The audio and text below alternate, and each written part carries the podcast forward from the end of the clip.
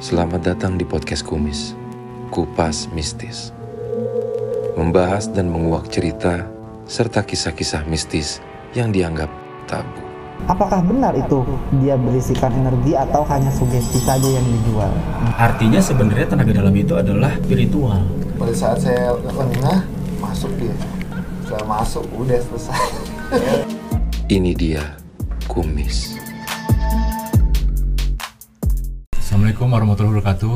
Waalaikumsalam Jumpa lagi para sobat seru bersama kami di sini di program Kumis di channel Seru Transvision. Nah, untuk malam ini kami akan mengangkat tema tentang bangkitkan ilmu tenaga dalam oleh Ki Raksa Mandala. Wah, nanti berarti kita akan ngobrol dengan Ki Raksa Mandala Manggala nih.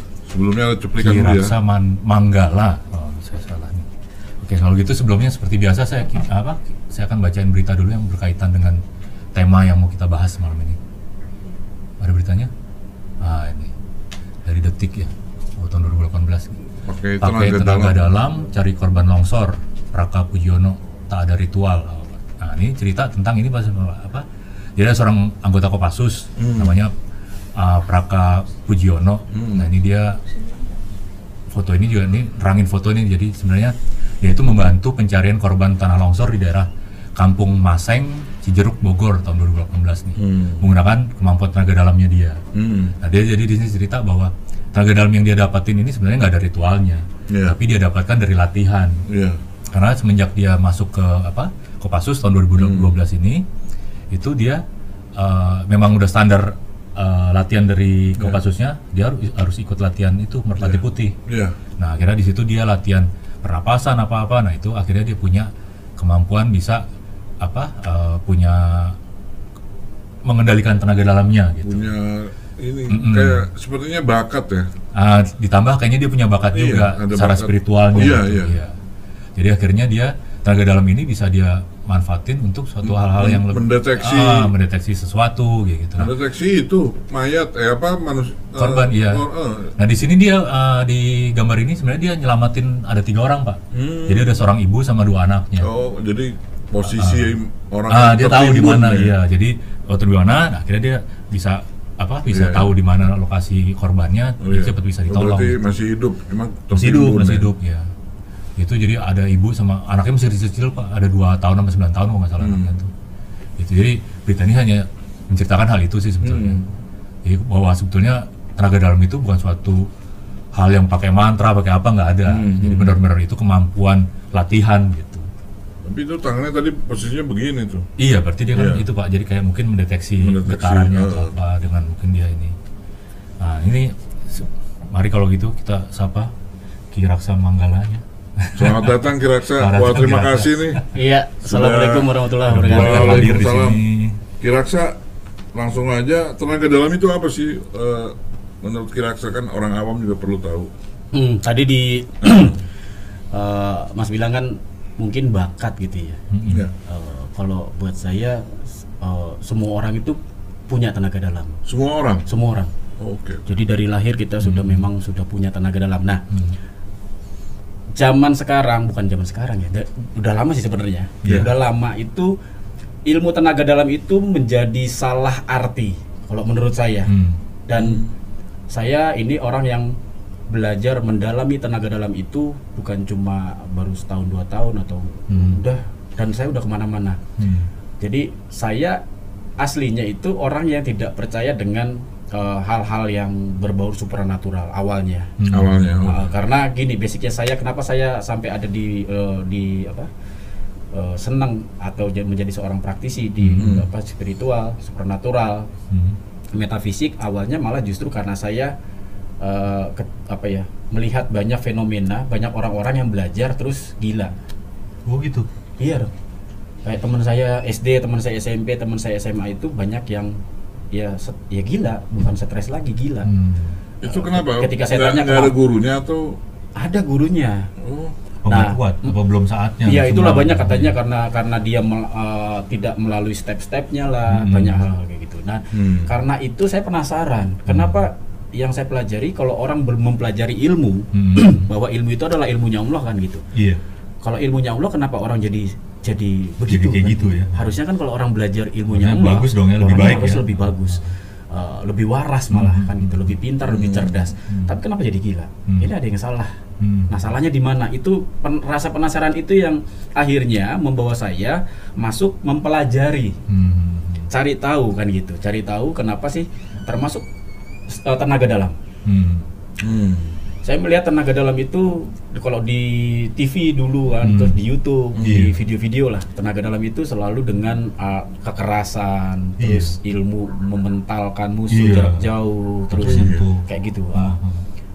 Terus kalau saya pelajari kok kayak jadi kayak sinetron, kok jadi kayak di film-film kan gitu. Hmm. Padahal nggak ada sebenarnya. Kayak di ki- Ah. film kungfu ya. Jadi kalau akhirnya akhirnya saya mempelajari benar-benar kalau dibilang ada orang bilang Hmm. eh, tenaga dalam itu fata fata morgana.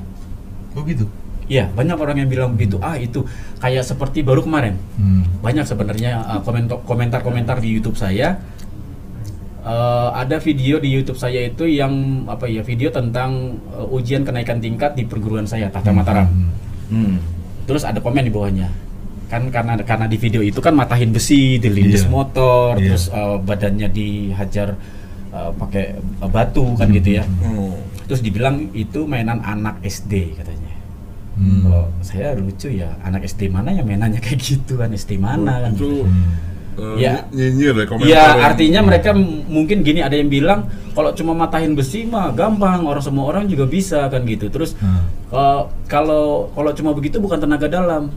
Loh, yang bilang itu tenaga dalam siapa? Hmm. Yang bilang uh, semua or, uh, apa, orang tidak bisa matain besi siapa? Kan gitu. Hmm. Nah di sini banyak orang yang salah gitu loh. Hmm. Ya. Di perguruan saya yang saya pelajari dan di perguruan saya, matahin besi itu belum sampai di tenaga dalam. Kalau sudah sampai di tenaga dalam di perguruan saya itu yang matahin besi itu di itu di di di tingkatan bawah. Hmm. Oke. Ya. Kalau memang itu adalah tenaga dalam, orang sudah baru sampai di tingkatan itu sudah selesai belajarnya Hmm. sudah dapat tenaga dalamnya. Bahwa itu adalah cara latihan dasar untuk Hmm. memahami untuk kita menuju ke ilmu tenaga dalamnya. Hmm. Gitu. Jadi ya. eh, jadi kalau di perguruan saya, kenapa sih emang orang wajib gak matahin besi itu kalau untuk naik tingkat? Enggak.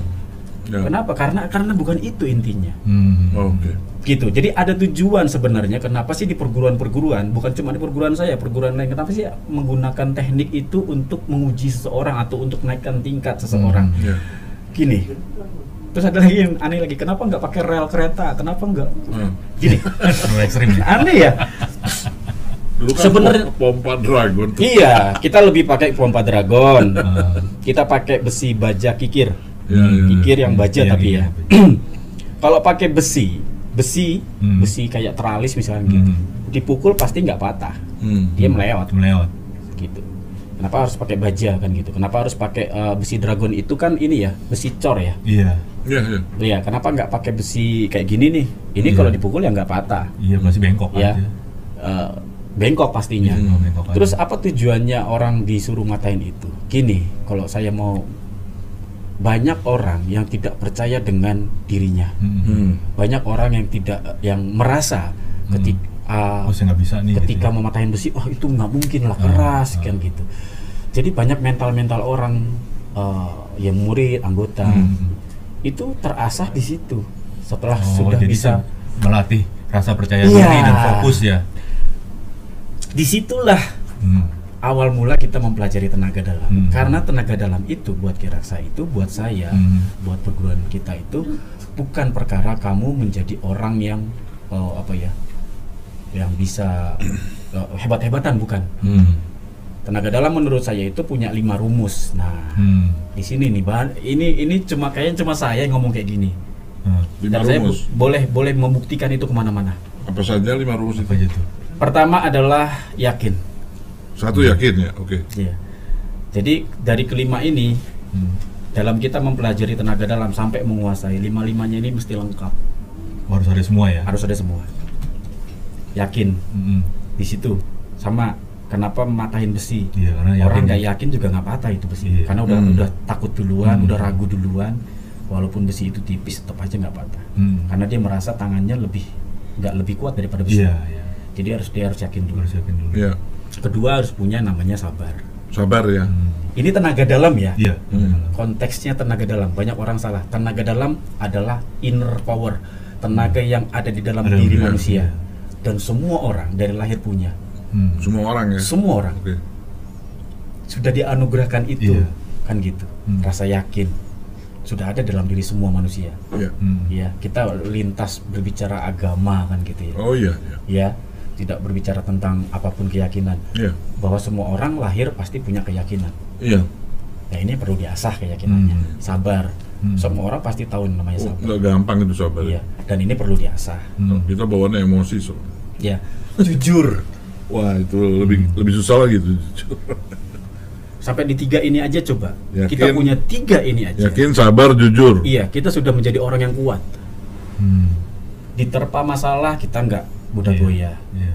Diterpa hinaan kita nggak mudah goyah. Hmm. Kita nggak mudah apa ya terbakar kita tidak. Bahwa yang merusak diri kita kan ya sebenarnya bukan faktor dari ekstern tapi dari intern kita. Hmm. Bagaimana kita mm, apa namanya eh, bereaksi ten- eh, terhadap aksi. Iya, iya, iya. kan gitu. Nah dari tiga itu aja yakin, Sabar. sabar, apa namanya, eh, Eh, jujur, jujur ya. yakin, sabar, Jujur. Bersyukur. Keempatnya bersyukur ya. Hmm. Kelima ikhlas. Ikhlas. Itu semuanya sama pelajaran agama semua itu. Yakin, sabar, jujur, apalagi? Bersyukur ikhlas. bersyukur ikhlas. Ya dua, semuanya Kalau kita apa. telaah Hmm. power manusia, ya itu. Hmm. Saya cari lagi yang lain. Apa apa contohnya apa? Pandai. Nggak semua orang pandai itu akan jujur, Iya, Hmm. iya. ya. Heeh. Nggak semua orang pandai itu akan ya sabar. Iya, iya, betul. iya. apalagi yang ada hal positif yang ada di dalam diri manusia yang menjadi penguat selain lima itu Yang paling berat nggak semua orang beragama jujur, itu berat. betul jadi ketika lima itu ada di dalam diri manusia Hmm. kehidupan seperti apa pun pasti lewat sama dia Hmm. Dia bisa menghadapi orang yang sekuat apa pun dengan kelima Hmm. unsur itu Hmm. kita berbicara tentang eh, cerita eh, Nabi Daud mengalahkan Oh, iya. ini Gue lihat ya. dia dengan apa dia dengan Iya. sabar yakin Hmm. jujurnya Hmm. itu yang membuat nah itulah sebenarnya tenaga dalam ketika kelima itu Hmm. diolah Hmm. diolah diasah diolah dipahami betul-betul Hmm. Di apa ya namanya kalau dikaji betul-betul dalam diri ya. kita di- digali dalam diri kita maka timbullah power itu Hmm. Hmm. Oh, muncul sendiri kekuatan dari dalam itu ya. iya Kalau jadi sudah- kalau kalau Kiraksa pernah ngomong bahwa manusia itu diberikan Tuhan itu Hmm. eh, kekuatan itu 100% Hmm. 100% Iya. kan gitu cuma yang dipakai sama manusia itu sampai dia dalam keadaan lelah Hmm. lelah ya lelah Hmm. banget gitu itu cuma maksimal cuma 2,5 persen Oh sedikit banget ya. Hmm. iya selebihnya ke mana kan Nah, gitu iya. Iya, iya. ada 97,5 persen power manusia yang tidak muncul Hmm. Iya. Oke. manusia jadi lemah manusia gampang goyah manusia gampang putus asa manusia gampang stres gila tadi Hmm. dalam menghadapi semua tantangan hidupnya kan gitu Eh, susah untuk bahagia Hmm. kan gitu ya jadi powernya di mana itu kalau kita push up kita gym segala Hmm. macam ya contoh orang-orang yang otot-ototnya besar kan gitu Iya. apakah itu sudah 100% belum kemungkinan itu baru naik 0,1% lah dari Hmm. powernya Hmm. karena fisik Nah. kemampuan fisik ini terbatas mau sampai seberapa hebat sih kita kan gitu ya orang-orang itu ngangkat beban gitu ya Hmm. Nah, itulah yang diolah orang-orang zaman dahulu, leluhur-leluhur kita. Maka tidak aneh ketika Hmm. orang-orang zaman dahulu itu leluhur kita itu bisa menguasai berbagai macam ilmu. Karena menurut Kiraksa, Iya. ilmu tenaga dalam itu adalah induk dari segala keilmuan. Induk ya. Induk. Kalau kita memahami lima itu, Hmm. bayangkan mau mempelajari apa pun, maka kelima unsur itu pasti harus ada. Iya.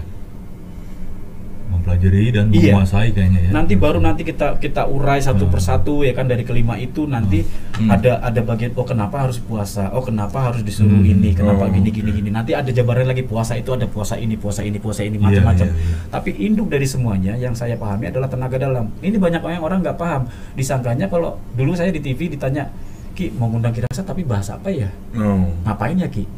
Ya, kok ngapain? Ngapain aja kan gitu. Iya iya. Karena tenaga dalam itu luas. Iya. Iya. Ya, Kirasa soalnya kan tenaga dalam Ki. Karena apa yang dipahami sama mereka itu tenaga dalam itu yaitu kekerasan. Iya, Iya, tadi, tuh. iya itu tadi. Ya kayak saya juga seorang awam kan taunya gitu mecahin batu, Ki, matahin bisa gak Ki? besi. Atraksi Ki, atraksi apa? Mentalin orang Ki jarak jauh. Wah. Waduh. Ki bisa gak Ki? Itu, namanya? itu terlalu rendah ya, terlalu sempit ya. Terlalu sempit makanya Iya. kan gitu yang yang saya pelajari akhirnya oh pantesan aja kan gitu banyak perguruan perguruan yang dibilang perguruan palsu akhirnya Hmm. Karanya di situ aja karena dipelajari ya itu yang Kekerasan jadi ya? iya jadi mereka akhirnya karena karena karena uh, pengertian tentang tenaga dalamnya sempit Hmm. akhirnya mau nggak mau dalam mengembangkan perguruannya Hmm. mereka harus menggunakan tipu-tipu Sempit dan dangkal itu. Hmm. Iya tipu-tipu. Iya. Akhirnya Iya. salah satu contoh tipu-tipu adalah yaitu dengan cara wah ya diserang terus Hmm. Iya. mental kayak gitu. Oh, maaf nih, Mas Hendro, kita harus apa Oh iya juga. yang ini? Yang live chat ya. Iya live chat dong, yang Iya. mereka eh, sedang nonton. Mm-mm. Silakan Mas Hendro. dari Gudel YT, saudara TM, spiritual mudah, harga mati. Hmm. spiritual muda, Pantura, saudara TM, harga mati. Oh, Pantura militan tuh. sekali nih. Hmm. Santri Muda Indonesia, saudara TM, Umi Novianti, undang lagi. Nanda Didit dong, wah ya nanti lagi deh. Terus apa lagi nih? Sahrul Ramadan 30, wilayah Windu, Abinawa, cabang Klaten hadir ki. Oh, Waduh, dari Klaten. Anton Kuerti, Itu salam sebelum, dari sebelumnya cabang dari. Seragen tuh, sebelumnya dari Seragen. Iya. Dan salah tiga. Elizabeth Widya Kartika, Tahta Mataram wilayah Windu Abina, Abinawa, cabang Seragen. Itu namanya kalau Windu Abinawa itu apa maksudnya? Ki? Itu nama gelar sama kayak saya. Oh, Oh, nama gitu. gelar, oke. gelar. Dari Seragen, dari Klaten Dari hadir Klaten, Salatiga. ya, Salatiga, Ya, lanjut, di lanjut. Ramadan A30, Saudara TM, Bang Radit, wilayah Windu Abinawa, cabang Seragen lagi. Wah ini daerahnya banyak Jawa Tengah ya. Ini Lamongan. Lamongan, Jawa Timur ini. Hmm. Virtual Muda Pantura, Hadir Ki. hadir Oh, Ki. Gudel YT harga mati lagi. Ada lagi tuh, masih ada. Melki Finis, salam tahta Mataram dari Ranting Jelambar. Wah ini dekat sini nih. Divisi Istana Wilayah, Isana Wilayah Wastu Niskala. Hmm. Gading Wirabuana, Saudara TM Harga Mati, Mas Wanto, Depok, Saudara TM Harga Mati. Kudus, Waduh. Bantul, Bantul, Kudus, Taiwan. Wah, Taiwan. Waduh jauh ya. iya. Tuh salam buat Ki Raksa, sehat selalu Ki. Amin. Ahmad Muhni. Amin. Tuh alam Gadang Jakarta. Salam dari wilayah Ki Gadang Jakarta nih mana Pak Ki? Riyadi Iya. Ahmad nih. Jakarta iya. Ya, pokoknya Jakarta lah. Jakarta Ya, ya. lanjut aja Mas. ada lagi. Bantul lagi. Ada lagi Kerawang hadir Ki. Wah, Mizorul. Sani Itu A. Mataram udah? Hah? Cabang Bantul udah? Udah. Oh, Mataram, Mataram, Mataram, ya. Bantul. Jebret SU Sakral Semeru. Jebret. Waduh. Gading. Ini tata mataram Prabuana. semua ini. Ya. Salam dari Ngawi Ki, wilayah Bajra Astagina. Jawa Timur dong. Iya. Iya, Ngawi. Sebenarnya itu apa? Cabangnya banyak banget ya Ki ya? Banyak ratusan. Iya kan? Terus ada nama Apa lagi kayak gitu masih apa ada tuh? tuh, masih ada tuh. David Setiawan, Ranting Getasan, Ki, wilayah Windu Abinawa, cabang Salatiga.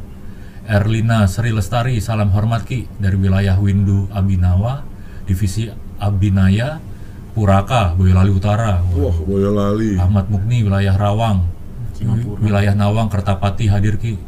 Dani Aditya, Tahta Mataram, cabang Klaten, wilayah Windu Abinawa hadir Ki. Wah, Henry Nugroho, Ki Bajak, Ki Bajra, Ki Bajra, Astagina. Astagina. Itu dari Singapura juga ada tuh. oh, Iya. Jepara. Salam dari Ranting Bantul, Indra Jepara hadir. Santri Muda Indonesia salam di Singapura. Jepara luar biasa. Teguh Ob- Oblo 4, wilayah Wastu Niskala, Ranting Pondok Rangon. Wah, Cibubur nih. Iya, iya. Ahmad Mukni salam dari wilayah Nawang Kertapati hadir Ki. Ahmad Mukni lagi dari Grobogan. Waduh. Ini kampung bapak saya nih. Gerobokan. Oh ya. Jawa Tengah. Ya, Brodadi wilayah Nawang Kertapati Ki. Muhammad Rosid wilayah Sastra Walaka. Hadir Ki. Ahmad Rizadi mantap Ki. Waduh. Ya. Ya, Kita lanjut dulu deh. Semuanya Salam Eh, semua nih. kita ngobrol lagi. Itu arti-arti apa sih Ki? Maksudnya Wastu Niskala itu apa? Apa? Itu nama gelar. Jadi Hmm. kalau di di Tata Mataram itu Hmm. di perguruan Tata Mataram. Jadi strukturnya itu dari pusat Hmm. ke bawah itu terbagi atas wilayah. Hmm. Nah, nama wilayah itu diberikan menggunakan eh, nama gelar eh, pendekarnya. Oh, nama gelar. Oh. Jadi kalau kayak Kiraksa juga bisa bikin eh, apa namanya? eh, saya juga karena saya sebetulnya nggak ada. Hmm. Jadi eh, tempat latihan itu Hmm. dari wilayah nanti turun ke cabang, Hmm. cabang atau divisi, Cabang ranting, ranting gitu kan kan. gitu. Hmm. Terus ke rayon kan gitu. Hmm. Nah, perwakilan dari pusat itu ke daerah-daerah itu diberikan nama itu wilayah menggunakan nama gelar dari pendekarnya. Hmm. Oh, tapi udah spesifik berarti ya kalau nama itu berarti daerah sini berarti gitu ya. Oh, luas. Dia Oh, luas ya? Oh, oh, jadi gini. Kayak bentuk misalkan kayak tadi eh, wilayah siapa itu Windu Abinawa. Ah, bina, bina. Dia bisa bikin di dia ada di Solo sebenarnya. Hmm. Awalnya ada di Solo, tapi dia boleh ke Jawa Timur sampai ke Jakarta sampai ke Bogor boleh. Hmm. Oh, gitu. iya, Nanti iya, iya, iya, iya. wilayah Windu Abinawa cabang eh, Banten misalnya. Oh, gitu. Gitu. Oh, berarti ini gelar dari uh, pendekarnya, Hmm. tapi dia ada wilayahnya dia gitu. Iya, dia punya Oh, wilayah. iya, Jadi iya. seperti rajanya dia Iya, gitu rajanya, iya. Jadinya Mas Hendro masih nanggung tuh, masih ada tuh. Mana lagi? Tadi yang belum disapa. Wuwuh Oktavia, cabang Semarang, wilayah Windu Abinawa hadir Ki Dendi Setiawan, salam dari wilayah Sakral Semeru. Wah, Semeru ya masuk. Ke bawah lagi, uh, Rofik Rasta hadir salam sehat selalu Kiraksa. Putri salam, Putri salam persaudaraan Tahta Mataram wilayah Baluh Asweta, cabang Bogor Selatan. Nuwer Zaman 32, Ala- Assalamualaikum warahmatullahi wabarakatuh Ki. Salam salam Ki dari wilayah Wastu Niskala. Hmm, hmm. Agus Solikin, salam dari Ranting Tanjung Priok, wilayah Wastu. Ah iya bener ya. Wa- Wastu Niskala ada rantingnya. Iya, gitu. Kalau pusatnya di mana? Ki? Di eh, Karanganyar Solo. Oh, Karanganyar, Oh, Solo. Karanganyar. Oh, di, di atas bukit-bukit itu ya? Devtiana Belum, salam Di- Binawa, masih di ini di bawah di Palur dia. Oh, Palur. Oh di Palu. Palur. Di Tahu saya daerahnya kalau Palur tuh. Jaten namanya Jaten. Kalau tenaga dalam ini Ki, hubungannya dengan spiritual eh, bagaimana? Ini kan lintas agama ya? agama- Iya. ag- Iya, lintas agama. Itu melatih kepekaan apa? Untuk pengobatan, untuk bela diri atau untuk apa? Iya, jadi kalau berbicara eh, tadi ya tenaga dalam. Hmm. Kalau tenaga dalam dengan rumusan yang tadi saya sampaikan ya, dengan lima tadi lima ya. tadi, artinya sebenarnya tenaga dalam itu adalah spiritual. Oke, Ya spiritual. kita berbicaranya berarti kan belajar spiritual. Makanya kenapa Tata Mataram ngajarin tenaga dalam? Hmm. Karena karena tenaga apa? Tata Mataram itu kan lembaga ilmu apa pendidikan Spiritual. spiritual, ya. Hmm. Iya, ketika belajar spiritual pasti belajar yang namanya bagaimana caranya mengendalikan diri, Iya. tentang kesabaran, keikhlasan, rasa Iya, yakin, itu tadi rasa ya. itu, Hmm. kejujuran segala macam. Nah, sementara itulah adalah modal kita dalam mempelajari apa yang dibilang tenaga dalam. Hmm. power diri manusia, Hmm. kan gitu. Nah, kalau kita eh, lebih perluas lagi, nanti kita akan ber- me- mempelajari eh, tentang beraneka macam eh, apa ya keilmuan gitu ya Iya, iya, ilmu. keilmuan. Makanya kalau kita eh, saya mempelajari apa ber- berbicara tentang apa namanya santet Ya. tentang iya itu udah makanan kita setiap Hmm. ini setiap latihan kan gitu. Hmm. Kalau ini Ki, maaf uh, motong ya. Kalau yang namanya tenaga dalam ini masuk ke arah kanuragan? Kan ada kita Hmm. kadang-kadang tahu nih ada ilmu kanuragan apakah seperti Karena itu? dia tadi saya bilang dia induk ya. Hmm. Dia induk. Oh iya, induk. Dia di atas ya. Hmm. Induk dari segala uh, Ilmu induk. keilmuan. Iya, keilmuan. Nah, nanti keilmuan itu dibagi dua nanti cabangnya. Hmm. Ada kanuragan fisik, Hmm. ada yang namanya kebatinan. Oh, Kan berarti gitu. agak itu ya Kebatinan itu nanti masuknya ke rosok. terbelah ke sana ya. Oh, Ah. kan gitu. Nanti di sini nanti kalau ke uh, fisik kan gitu ada yang namanya Hmm.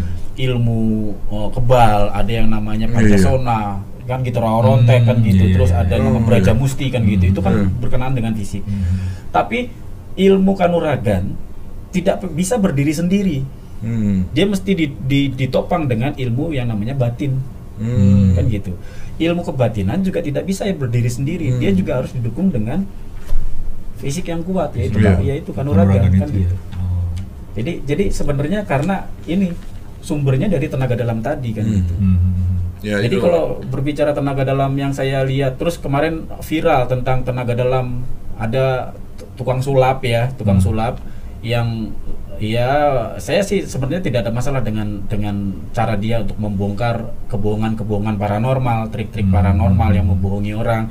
Saya sangat setuju dengan itu. Tapi kalau sudah masuknya ke dia menyampaikan bahwa tenaga dalam itu adalah uh, kebohongan, ya dirimu sudah belajar tenaga dalam yang benerannya belum? Kan gitu Oh. Hmm. sudah ketemu semua sudah berapa orang Iya. orang yang kamu katakan bohong itu sudah berapa orang sih yang kamu temui Hmm. Karena tenaga dalam ini bukan sulap kan? bukan Ya, makanya, iya. tidak ada gini pernah gak Iya, pern- iya. pernah tahu ya ada orang Iya. ketika dalam dalam apa ya dalam keseharian ada dalam pertandingan ada contoh dalam pertandingan Hmm. ada orang yang oh, fighting ya tinju lah kita ta- eh, Hmm. tinju Iya, iya. Tinju. bela diri entah tinju kan gitu ya terus mm, berkelahi fighting sampai bonyok bengop Hmm. sudah mau kalah nih Hmm. tenaganya sudah habis Hmm. secara normalnya harusnya kalah nih Udah kalah pasti, iya, iya. harusnya udah kalah udah bengap udah segala macam begitu dateng nih anaknya dengan istrinya dateng kan gitu ngasih semangat Hmm. terus bangkit bangkit lagi, lagi. dia lawan lagi musuhnya dan dia menang Hmm. ini bukan bukan omong kosong ada cerita-ceritanya Oh nyata iya seperti itu gitu ya. iya Iya. apa itu dari mana dia dapat itu apa disuntikin hormon sama istrinya kan enggak, Enggak. Hmm. Berarti dengan Itu kehadiran itu, mana dia itu? bisa membangkitin semangatnya Iya. dia kan. itu kan tenaga Hmm. Itu kan power Hmm. Contoh lagi dalam kehidupan sehari-hari kita sudah capek pulang kerja Hmm. udah capek udah nanti pasti ke- nanti sampai rumah pengen tidur ah udah capek banget udah lelah banget Hmm. begitu sampai rumah ketemu anak ketemu istri terus anaknya eh, minta ngajak main papa gini gini gini Hmm. apa masih mau tidur Hmm. Iya nggak jadi.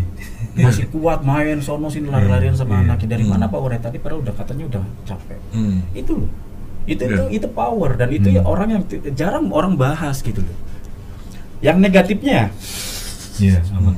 ada maling kan gitu iya. Gimana maling? maling dicopet kan gitu ya Ah.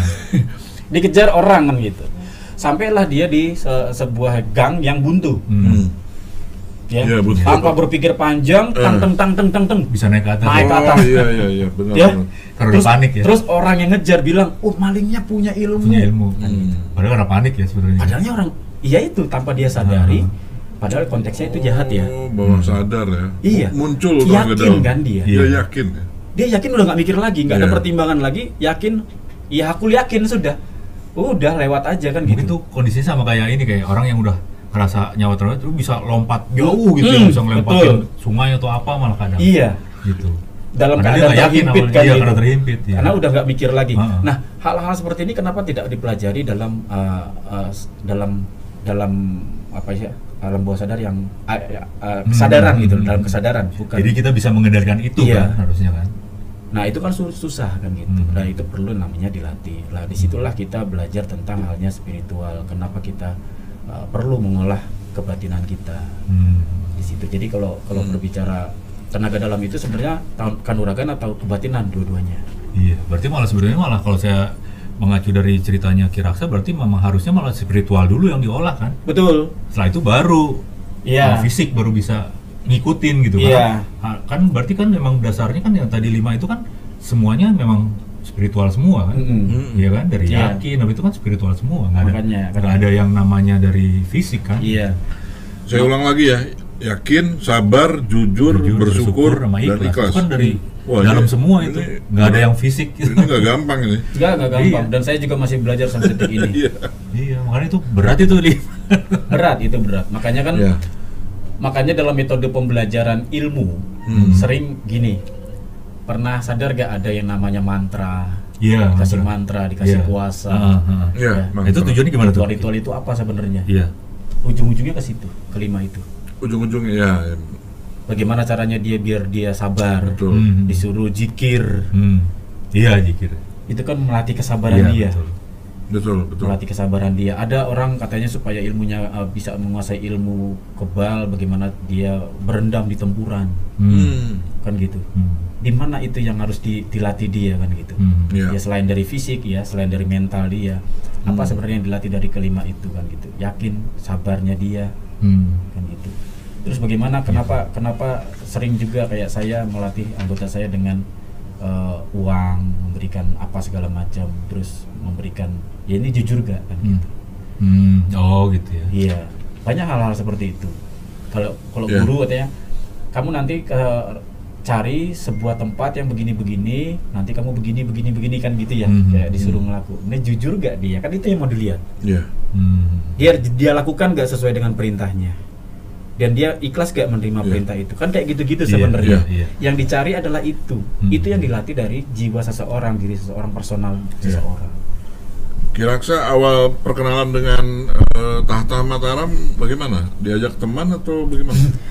Saya lucu juga itu. Iya. Itu tadi ya karena saya Udah, awal udah berapa tahun be- eh, belajar di sana? Kalau di Tata Mataram berarti saya sudah 2000 eh, berarti 12 tahun ya. Wah, lama juga ya. Ya. Dari 2009 ya. Awalnya Iya. bagaimana ketemunya? Iya, awalnya kan saya eh, itu tadi basicnya sebenarnya saya orang yang nggak suka dengan eh, hal-hal eh, yang berkaitan dengan ilmu-ilmu ya. iya, Natural gitu sebenarnya ya. gitu. Terus eh, Gaib-gaib gitu. Iya, dulu teman saya. Metafisik. Oh. teman saya yang pernah diundang ke sini juga, Hmm. itu teman saya yang pernah diundang ke sini, Iya, iya. itu yang ngajak saya masuk ke Tata Mataram. Oh. Jadi oke. sebenarnya teman saya yang pernah ke sini itulah yang duluan masuk Tata Mataram. Oh, Hmm. oke oke. Nggak perlu sebut namanya. Iya iya Iya. tahu sama tahu. Iya, jadi akhirnya itu juga nggak nggak lantas saya mau. Hmm. Kan saya juga nggak percaya ya sama gitu-gitu. Masa iya sih, masa iya sih kan gitu. Ah enggak, ah, enggak. Hmm. Sampai seminggu dia presentasi ya sama saya tentang Tata Oh. Mataram karena dia mau buka kan gitu. Dia setelah belajar dari Solo, dia datang ke Oh, mau buka cabang di ke sini ya? Jakarta terus Iya. mau buka cabang.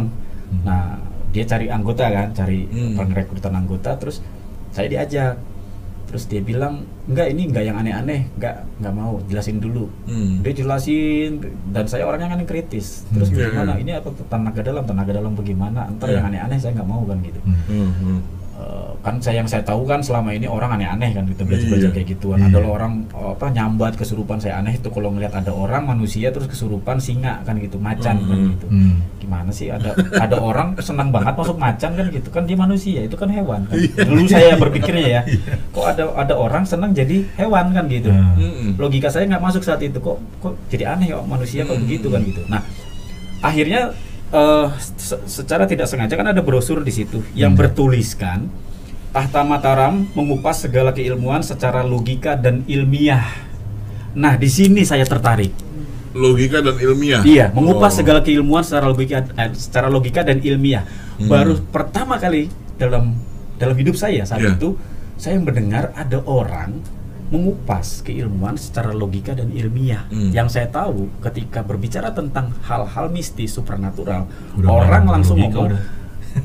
itu suatu hal yang tidak logika. Iya, Artinya betul. tidak bisa dilogikakan. Oh. Kok ini ngomongnya mengupas keilmuan secara logika dan ilmiah? Gimana Iya. ini kan gitu. Hmm. Penasaran saya di situ Iya, iya. di situlah awal saya eh, tertarik dan mulai belajar. Dan Itu syaratnya ya, apa ya? Eh, umur minimal umur berapa atau apa? Syaratnya ya yang idealnya dia di atas berusia di atas 17 tahun. Oh, udah dewasa ya. Iya, Oke. 17 tahun ke Udah atas. Udah punya KTP ti- ya, ya. Iya boleh sih yang masih sekolah boleh, tapi atas izin ya. Orang tua ya. Karena ini kan eh, bukan mempelajari, bukan kayak karate, taekwondo ya, Hmm. Hmm. yang Iya, olahraganya betul. masuk ke koni kita kan enggak. Hmm. Gitu. Jadi ini lebih ke hal-hal spiritual. Nanti takutnya terus ada kayak pemataan besi nanti malah dibuat jago-jagoan kan gitu. Iya sih. kita menghindari itu. Jadi belum dewasa disarankan orang-orang yang sudah dewasa. Iya. karena pentingnya buat kesehatan juga sih. Hmm. Terus Pak Eki Raksa di YouTube Hmm. bagaimana? Bisa diceritakan pengalaman. Di YouTube. Penelus Kan penelusuran. banyak tuh yang penelusuran tuh. iya ke daerah-daerah angker udah udah jarang upload YouTube sekarang saya sebenarnya Ya. Begitu. yang nggak Iya. share pengalaman aja ya yang menarik apa yang yang kontroversial sebenarnya gini kalau untuk di YouTube saya lebih banyak pengalaman itu malah justru bukan di YouTube kalau di YouTube Oh. malah malah apa ya malah jadi sedikit Hmm. eh, hal-hal yang bisa muncul Hmm. ya gitu ketika saya sama anggota sama saudara-saudara di Tata Mataram terus jalan ke mana ke makam entah ke Hmm. tempat yang eh, tertentu lah yang Sakral lah. ya yang sakral yang mistis kayak gitu Hmm. itu justru malah banyak banyak kejadian di situ ketimbang saya bikin YouTube sebenarnya Oh. mungkin alam mereka juga paham kali ya ini wah ada kamera nih kan gitu ya Hmm. nggak tahu juga kan Menghindar semua ya. Kejadian apa Makanya, yang, yang, iya Itu Ah. apa yang di yang kontroversial, Ah, yang, yang bikin kaget tuh? Kalau penampakan eh apa ya kalau buat saya pribadi penampakan itu ya banyak tapi kan kalau buat kiraksa itu bukan suatu hal yang aneh Iya, dan ah. ya itu biasa aja sih kan gitu kayak Hmm. ngeliat orang biasa aja Itu karena belajar tenaga dalam itu bisa lihat penampakan. iya jadi kan gini ada pemahaman tentang itu semua kan gitu kita Hmm. belajar bahwa mereka itu siapa sih apa sih dan bagaimana sih kenapa sih kan gitu Hmm. kita kan Hmm. belajar di situ kita Iya. diberikan pemahaman tentang itu Ya, dan ya. Mereka itu ya ada di mana aja kan gitu Ada bukan ya? cuma di tempat angker Hmm. bukan tem- Hmm. cuma di tempat misi bukan cuma di kuburan di Hmm. rumah kita juga banyak kan Hmm. gitu Iya. tempat ibadah juga banyak Hmm. kenapa kita begitu takutnya kalau oh, itu kalau di tempat kayak tempat gitu angker baru takut oh, gitu Padahal apalagi gelap kan iya Nah, padahal ya nggak sama aja kalau kalau saya pengalaman saya yang yang paling eh, ini sih yang paling apa ya buat saya buat saya berkesan sih eh kemarin sih baru kemarin saya Iya, tapi, saya nggak upload ke YouTube itu Kejadian Jadi luar biasa Apa apa, aja Ki? pengalamannya Ki itu kemarin saya kan saya sering ini ya sering eh, ziarah ke makam Hmm. almarhum ayah saya hmm. di eh, Pondok Rangon Oh, Hmm. pernah kelanggung. Iya, kebetulan kan beliau meninggal eh, karena pandemi. oh Ya, terus kalau saya kan kalau orang-orang Pondok Rangon udah tahu Kiraksa kan gitu. Oh itu ayahnya Kiraksa. Jadi kalau saya datang ke sana tengah malam mereka udah nggak aneh. hmm. Oh, Gitu, tengah- oh, justru gitu. tengah malam. Tengah malam saya enaknya malah tengah malam sambil ngopi di sana enak kan gitu. Lebih tenang ya Heeh, karena bukan cuman bukan karena itu sih. Hmm. Dari dulu emang saya seneng, senengnya emang rekreasi ke makam kalau malam. Oh, pikniknya ke mana? Iya. Wah, ini luar lebih- biasa nih. Lebih nyaman Iya, buat gimana saya. tuh? Itu kadang-kadang saya ketemu ketemu ketemu sosok itu bukan bukan bukan apa ya hantu ya bukan hantu kuntilanak Hmm. pocong Hmm. genderuwo bukan kayak gitu-gitu justru orang Orang. iya saya seringnya seringnya ketemu makhluk seperti itu tuh jin itu ya orang jadi sempat saya ajak ngobrol saya ajak bicara tapi begitu Oh. saya tanya itu tadi siap ada orang di dalam juga nggak ada Oh, menyerupai orang. iya. Tapi benar-benar memang ngobrol sama saya. Kayak baru seminggu kemarin saya ke sana dia cerita sama saya bahwa saya ke sini karena ziarah. Kenapa malam-malam kan gitu? Kenapa Hmm, malam-malam? Hmm, iya karena saya besok mau eh, mudik katanya. Hmm. Hmm. jadi saya takut nggak sempat lagi saya kerja kan gitu. Oh kayak gitu. Di mana makamnya? Di makam ya itu di tempat ya, makam pandemi ya. Hmm. terus tiba-tiba setelah saya ngomong dia izin eh, mau katanya mau eh, nabur bunga lagi gitu. Hmm. tapi nggak bawa tentengan apa-apa Hmm. dan saya nggak tanya begitu jalan gitu terus hilang gitu Da- dan itu ah, gini gini biasanya saya tahu kalau itu bukan manusia Oh. kayak gitu Hmm. tapi entah mengapa beberapa kali memang ada kejadian kalau saya itu eh, tidak tidak curiga sama sekali dan tidak merasakan energi yang apa ya yang Yang beda, yang, yang aneh. berbeda Hmm. seperti saya merasakan energi makhluk ya Hmm. jin kayak gitu Hmm. walaupun mereka berbentuk manusia biasanya saya bisa bisa kerasa kan Bisa terasa, ya. tapi beberapa kali memang mereka itu enggak ini nah yang kayak gitu-gitu yang berkesan buat saya Oh, itu kejadiannya di makam Pondok Rangon. Pondok Rangon Nah kalau kayak gitu tuh biasanya jin itu lebih tingkatannya lebih tinggi atau gimana? lebih tinggi biasanya kayak gitu Iya. dan Iya mereka itu misalkan- memilih orang-orang Bisa Misalkan kalau menjelma cuman- jadi manusia. Kalau cuma pocong kuntilanak Ah. tuh kan kayak ya kelas jalanan lah, kelas bawah lah gitu. Gini ya, jangan lupa mereka juga bisa paham tingkatan spiritualitas manusia. Hmm. Iya makanya dia yang gitu. Gitu. kan. Kalau kan dia mungkin kalau membaca apa kalau dia takutin, kan? menjelma, menjelma Hmm. menjadi se- eh, seekor deh. Menjelma- Sesosok, Sesosok. sesosok menjelma menjadi manusia. Sesosok. menjadi pocong kuntilanak. Ah. Dia tahu ini kiraksa ya ya nggak udah nggak aneh sih buat dia kan dan pasti saya dicuekin kan gitu. Hmm. Tapi kalau kalau saya menjelma sebagai manusia kan gitu, Hmm. mungkin ini lebih lebih kena dan ben ya bener sih. Kalau saya misalkan ada kuntilanak, ada pocong, ada genderuwo segala macam, saya cuekin aja udah. Hmm. Ya, ngapain juga gitu. Iya. Iya, kalau mau sini deket kan gitu. Paling saya suruh beli kopi kan gitu.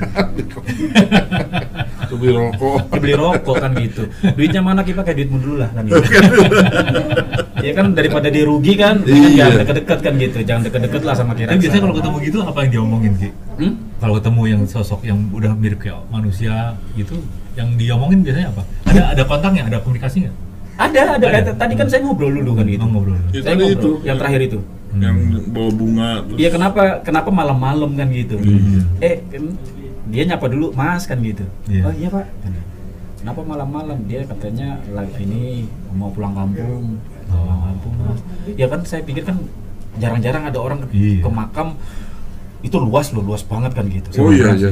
Luas walaupun terang, terangnya kan di depan. Iya iya. Hmm. Di belakang itu tetap aja Iya. gelap kan gitu Hmm. karena lampunya kan juga belum belum apa ya belum tercover semua tuh makamnya Hmm. Kan ada lampu sih tapi belum tercover semua dan saya pikir hanya orang-orang yang agak sedikit aneh nih kan gitu atau Hmm. memiliki kes- sesuatu sesuatu yang Hmm. berani sampai ke tempat itu malam-malam Malam-malam. jam Malam satu malam itu kira-kira sendirian. sendirian Oh. sendirian makanya buat saya itu yang berkesan jadi kalau yang berkesan buat saya bukan ketemu kuntilanak genderuwo itu nggak ber- ya biasa aja sih Jadi malah ketemu dengan sosok yang bukan manusia tapi iya Ki aja kira saja nggak ngerasa Iya, Iya kan? nggak ngerasa gitu loh. nggak ngerasa Kok- bahwa ini oh, bukan dan bukan saya nih, sadar-sadarnya gitu. Ah. ketika dia sudah menjauh, terus hilang kan gitu. Jadi Iya. lenyapnya, lenyap apa ya? Lenyapnya itu bukan lenyap tring, bukan gitu, bukan. Iya. Tapi lenyapnya lama-lama kayak Berangsur-angsur gitu. Iya, kayak eh, gradasi jadinya. Set, jadi kayak Gra- Gradual, kabut. gradual. Iya, iya. Gitu jadinya. Nah, itu nggak jauh. Hmm. Kalau kalau hilang karena kejauhan kan beda ya Iya iya. gitu ini masih masih masih jarak paling sekitar 50 meter masih kelihatan lah kan gitu Hmm. saya tahu itu Terus pengalaman apa lagi yang menyangkut itu? kalau kalau akhir-akhir ini sih nggak ada yang terlalu ini semua biasa-biasa aja kalau kalau yang dulu iya kan gitu yang dulu? dulu itu saya eh, sering ke tempat-tempat yang kayak gitu karena karena gini ya dulu kan karena juga masih belajar mungkin ya Hmm. karena belum terlalu masih banyak hal yang pengen saya tahu kan gitu Hmm. jadi ke pantai ke gunung kan Hmm. gitu ke hutan sendirian kan Hmm. gitu dan benar-benar memang saya karena pengen tahu kan gitu Hmm. Ke hutan sendiri. ke hutan sendiri ke ke apa namanya ke laut kan gitu konon kan di laut kan ada jin laut kan gitu Iya, kan iya, gitu iya. ya gitu terus saya eh, nyewa sampan biasanya Iya. kan gitu walaupun biasanya kan eh, jam-jam orang-orang nelayan Iya malam malam kan gitu biasanya. itu saya ikut kan gitu pernah kayak gitu gitu dan itu yang yang saya rasakan adalah memang in- tapi bagaimana cara untuk berkomunikasi dengan makhluk itu saya percaya sekali ada apa ya dikatakan apa ya raja jin gitu ya Hmm. Hmm, iya. kayak di hutan kan gitu itu Hmm. besar nah itu mungkin dari sinilah awalnya ada orang berpikir bahwa eh, adanya genderuwo gitu Hmm. gitu jadi memang benar ada apa ya di tempat-tempat seperti itu tuh ada Sosok energi yang besar gitu saya ya. rasakan itu besar tapi ya, apa ya saya tidak pernah bisa untuk membuat mereka itu menampakkan dirinya Hmm. Apa ya mau berwujud gitu ke saya Nah, Tapi hanya dirasakan aja. iya kalau saya berpikir memang memang tidak perlu berwujud sih gitu pada Hmm. akhirnya ya Hmm. ya tapi kan akhirnya memang terasa nah dalam apa ya dalam pemahaman saya di tenaga dalam energi-energi seperti ini nih gitu loh yang Hmm. bisa dimanfaatkan manusia Hmm. untuk melakukan uh, keilmuan-keilmuan yang merugikan orang lain negatif Oh.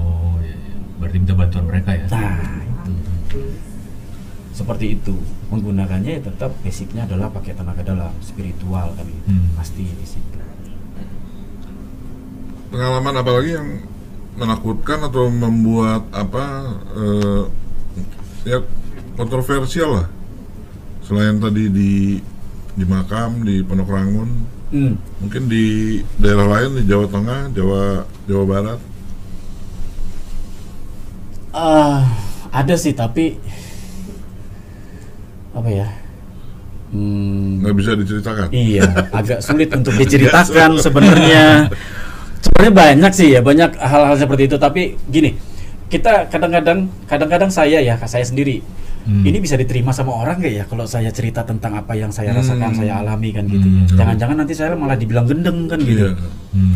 Itu banyak sebenarnya, cuma saya Oh, berusaha oh, Oke oke oke. menyampaikan yang sekiranya bisa dijelaskan dan bisa ditangkap secara Hmm. logik sama orang lah kan gitu. Iya. Walaupun ada beberapa orang yang memang ya karena pemahaman yang salah ya, karena Hmm. mereka berpikir hal gituan kan nggak perlu dilogikakan kan gitu. Hmm. Kalau buat saya akhirnya jatuhnya saya nanti nggak mendidik, Hmm. Hmm. malah membuat orang Iya. percaya tentang suatu hal yang dia nggak pahami. Hmm. Nah, itu Oh, saya nggak mau oke. kan gitu. Kalau tenaga dalam bisa menyembuhkan penyakit, Bisa, eh, sudah banyak pengalaman. ba- bukan banyak lagi. Oh, Itu nolong orang atau buat diri sendiri Ki? Buat diri sendiri, Hmm. gini, ini yang saya ini ya. Enggak maksudnya Se- maaf nih, paling berat misalnya menyembuhkan sakit kanker misalnya. Pernah Oh, oke. sembuh, sembuh. Oh, berarti manfaat. Ntar dulu ya. Iya, oke. Ini kadang-kadang banyak yang ini. Hmm. Saya eh, pa- paling tidak terima ketika ada orang bilang eh, orang eh, eh, penyakit disembuhkan dengan dengan keilmuan misalkan gitu. Iya. Enggak. Gini gini. Kita berbicara tentang penyakit adalah berbicara tentang eh, apa yang apa yang Allah turunkan kepada seseorang. Iya. Kan gitu. Namanya penyakit. Iya. Ada yang namanya rezeki, ada yang namanya kan gitu ya. Iya. Eh, ada yang namanya ilmu. Penyakit itu turun beserta dengan obatnya Hmm. kan gitu Hmm. Iya. obatnya di mana Hmm. obatnya di dalam diri manusia Iya. Pengobatan medis ya obat segala macam itu kan sebenarnya kan pendukung dari penyembuhan Pendukung. Oke. Pendukung. ya obat sakit kepala co- contoh kan gitu dia kan Hmm. meringankan sebenarnya tidak mengobati Iya, iya. Menghilangkan. tidak menghilangkan sebenarnya Iya, meringankan. ya kan dia kan Membantu menghilang- lah. ah, menghila- menghilangkan rasa sakitnya Berarti dia membantu dari rasa yakin kita ya berarti. Hmm. Obat itu berarti ya. Jadi inti dari penyakit awal muasal penyakitnya apa kan Hmm. gitu itu yang yang mesti dipahami Hmm. Nah, pengobatan secara tenaga dalam itu kan sebenarnya Iya. kan menyalurkan energi di situ ada doa. Berbicaranya energi. Doa Hmm. itu ya energi, Iya. keyakinan Hmm. itu energi. Hmm. Gitu loh. Kita bisa menyalurkan energi satu dengan yang lain. Hmm. Hmm. Kita bisa menerima energi juga dari yang lain kepada Hmm. diri kita. Kita bisa menolak, kita bisa menerima kan gitu. Kita Hmm. bisa memberikan Hmm. kan gitu. Nah, bentuk dari energi itu juga banyak kan gitu. Energi itu ya doa Iya. energi. Hmm. Ya, contohnya ada satu eh, paranormal yang saya lihat sendiri itu dia operasi itu pakai cutter gitu tapi orangnya nggak sakit. Apakah itu tenaga dalam atau pakai jin atau apa? itu ada tekniknya kalau situ jadi ada dua ada dua kan gitu dia dia mungkin mungkin saya nggak tahu ya mungkin menggunakan tenaga dalam juga a- apa tenaga dalamnya yaitu memberikan uh, menyalurkan en- energi ya Iya, energi lagi ya. terus uh, pastinya ada apa sih namanya Uh, kalau bahasa ininya mungkin ya hipno ya ada yang dengan begitu Oh, jadi iya. menghilangkan rasa sakit-sakit dengan hipno Hmm. hipnoterapi Hipnoterapi. Iya. Hipno ya. Terus eh, kalau dengan jin sih saya enggak. Yang yang kemungkinan lagi dengan teknik.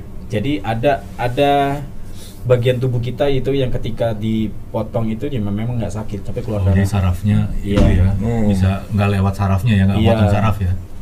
Yang kedua yang yang teknik berikutnya adalah dalam hal memotong itu ini yang saya pelajari. Hmm. Saya juga soalnya mau belajar bedah dulu. Hmm. Oh, oke. Iya, belajar bedah tapi saya nggak boleh nggak boleh melakukan kalau dulu syarat dari guru saya yang di sana Hmm, itu gitu.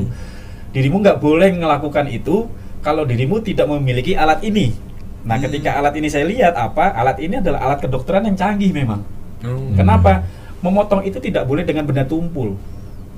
Syaratnya agar Iya. memotong itu tidak sakit adalah alat Harus tajam ya. potong itu alat bedah itu harus tajam tajamnya. Hmm. Seperti minimal seperti silet. Ya, ya. Coba kita disilet deh.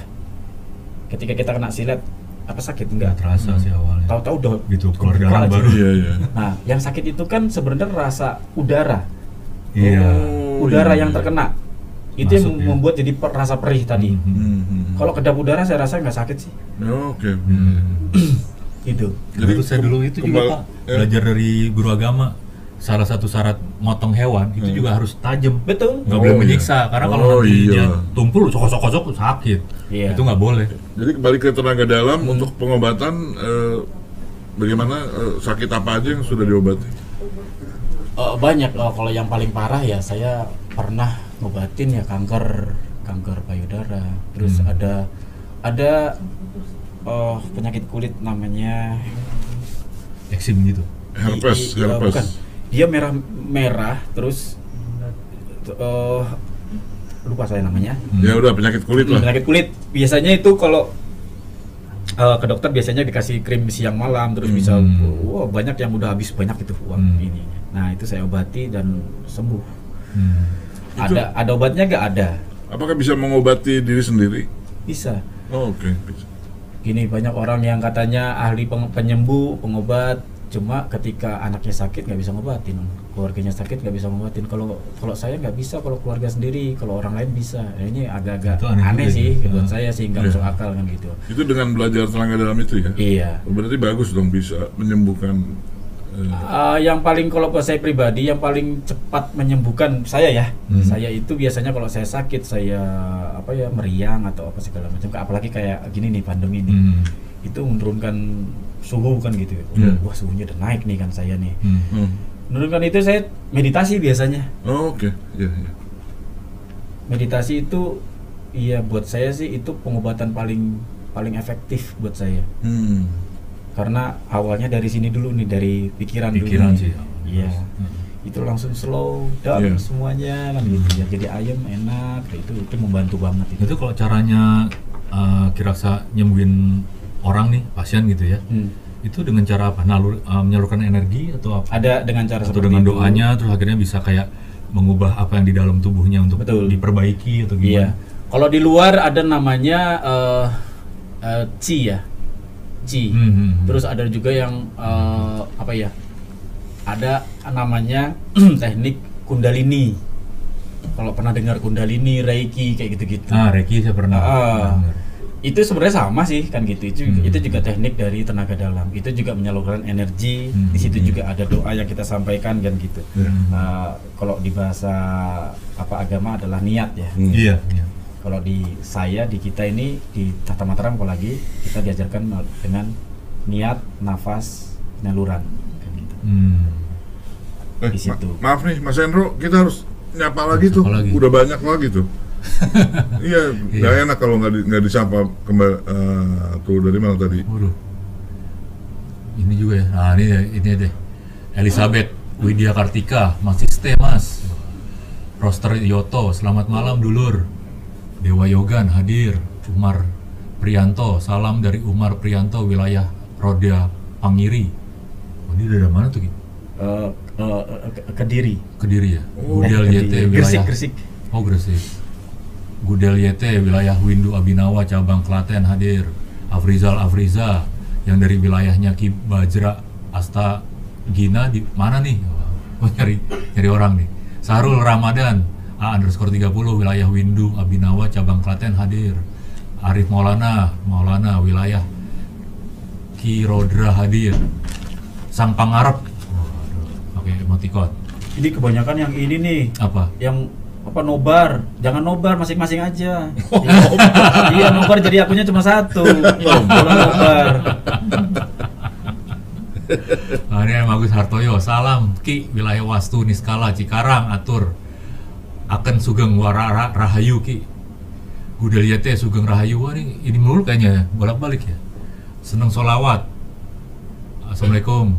Kiraksa Manggala, salam dari TB Blora, TM Blora, wilayah Ki Bajra Astagina. Atta Andika, at Lola Putri, selamat malam Dek Lola. Ini gimana sih? Bingung ya? dia malah ngobrol di situ Ini malah ngobrol. Jabar semangat hadir. Sarjan, salam santun, Kiraksa, Manggala, cabang Kerawang, wilayah Wastu Niskala. Suyitno Yitno, salam dari cabang Lamongan. Hmm. Hobi mancing, salam santun dari cabang Jakarta Timur, Cibubur, Pondok Rangon Ki. Kaget saya Kenapa? kirain kayak sang pengarap sang doang Sang Pangarep. oh. Jangan lupa mampir di channel YouTube Sang Pangarep ya, konten berisi kegiatan TM wilayah Windu Abinawa. Waduh, dikasih link lagi tuh. Jande underscore Rodra Tama. Assalamualaikum Kiraksa. Salam dari TM cabang Gresik wilayah Rodra Pangiri, Sang Pangarep. Waduh. Ini semuanya banyak kan ini aja ya. Nyapa aja ini. Kadang nanya ya. Ya nggak apa-apa kan, tetap mereka yang nonton kita. Udah Oke. Mas Hendro, lu nih maaf nih, sepertinya waktu juga yang hampir habis. Jadi tadi saya Hmm. juga ilmu apa informasi baru bahwa Ya. tenaga dalam itu nggak cuma sekedar ya. jago-jagoan, tapi Hmm. belajar ilmu itu tidak tidak mudah ya. Iya. Harus yakin, sabar, jujur, bersyukur dan ikhlas. Jadi sebetulnya itu, menggabungkan itu pesan ya bagus itu. antara kekuatan jiwa sama kekuatan fisik ya. Iya. Ya, akhirnya ke sana ya. Iya, jadi sebenarnya bagaimana manusia itu kan hidup ya. Hmm. Hidup itu bagaimana dia mengembangkan kecerdasan, kesadarannya dia. Hmm. Dari kesadaran, kesadaran spiritual, kesadaran mental, terus eh, apa namanya? Eh, kecerdasannya dia. Hmm. Bagaimana dia bisa menggunakan maksimal akalnya, pikiran Hmm. dan hatinya. Hmm. Kedua ini itu diolah eh, dengan eh, tata cara spiritual. Hmm. Hmm. Nah, semuanya itu di ini dengan yang namanya tenaga dalam karena semua ada di dalam diri kita. Hmm. Hmm. Itu. Tidak lupa juga ya dengan cara uh, mengolah raga. Iya. Ya, nama- makanya di Tata Mataram juga ada Olah- olahraga. olahraganya olahraganya ada ya? dengan apa? Dengan pernapasan. Pernapasan. Ya, be- sama apa enggak dengan olahraga yang lain? Sama sebenarnya. Kalau uh, kita mau meng- menerapkan olahraga pernapasan sebenarnya duduk aja itu bisa keringatan sampai kayak orang lari Oh, Hmm. maraton kan gitu. Kalau kita lagi ngolah apalagi pernapasan kayak itu ya. kayak kita kita ini kan gitu ya, Hmm. yang yang yang sudah mungkin Udah tua di ya. atas 40 Hmm. umurnya kan gitu. Di Kalau disuruh 40. lari kan ya udah gimana kan gitu ya. Ngos-ngosan. Jadi yang efektif memang olahraganya ya pernapasan kan Hmm. gitu. Nah, dari Ya. situ kita bisa dari pernapasan itu bisa larinya lagi nanti. Gini sebenarnya eh, sedikit saya tambahin. Hmm. Ilmu itu sebenarnya mata rantai sebenarnya. Iya. Kalau kita mau pahami Oh, oke.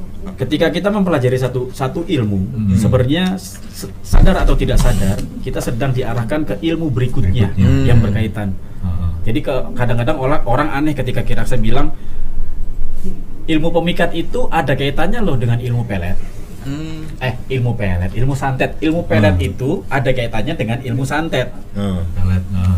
nah orang kan bingung ini Iya. kaitannya di mana kan gitu. Heeh. kan sama-sama jarak jauh Hmm. Hmm. Iya, iya. ya kan Heeh. pelet kan jarak jauh Iya. santet ya jarak jauh Ya. sederhananya itu Iya. Jadi sebenarnya ketika kita berjalan di dunia spiritual, kita mempelajari tenaga dalam, sebenarnya tidak akan pernah berhenti. Berhenti di situ ya. Iya, karena begitu kita masuk ke eh, paham atas sebuah keilmuan, sebenarnya kita sedang berada di pintu keilmuan berikutnya. Oh, Hmm. oke. Kayak gitu. Berarti udah kayak ya. diarahin kayak jalan aja ya. Ya. Maaf nih, waktu juga udah Oh, habis. iya. Oh, iya, Tapi kalau ada yang konsultasi bisa datang ke bisa datang Kiraksa? ke tempat Kiraksa. di mana? Di mana? Eh, di saya saat ini di Duren Sawit Jakarta Timur. Lu dekat rumah Sawit. saya dong. Eh, Pak dia? Iya, Di rumah saya Pondok Kelapa. Oh iya dekat berarti. Mam- mampir ke berarti. Mampir. Oh, itu saudara saya sebelah mana gitu? Di Buaran. Oh deket dong. saya di itu deketan Sada. Iya. DKI. Ya, nanti kita sama-sama lah belajar tenaga dalam. Iya. Silakan Mas Hendro. Oke, kalau gitu terima kasih banyak loh Ki. Ya, sama-sama. Terima kasih Kiraksa Sama-sama. luar biasa. Nah ini apa? Sebelum ditutup, nah, seperti biasa akan saya bacakan remindernya. Terus update tentang channel seru. Live-nya bisa dilihat tiap Senin sampai Jumat di channel YouTube Transvision Official. Jangan lupa subscribe, komen, dan like. Dan juga aktifin tombol lonceng untuk selalu tahu semua updatean channel seru. Bagi pengguna Transvision bisa dilihat di channel 333. Oke kalau gitu sampai jumpa di misteri selanjutnya. Wassalamualaikum warahmatullahi wabarakatuh. Waalaikumsalam warahmatullahi wabarakatuh.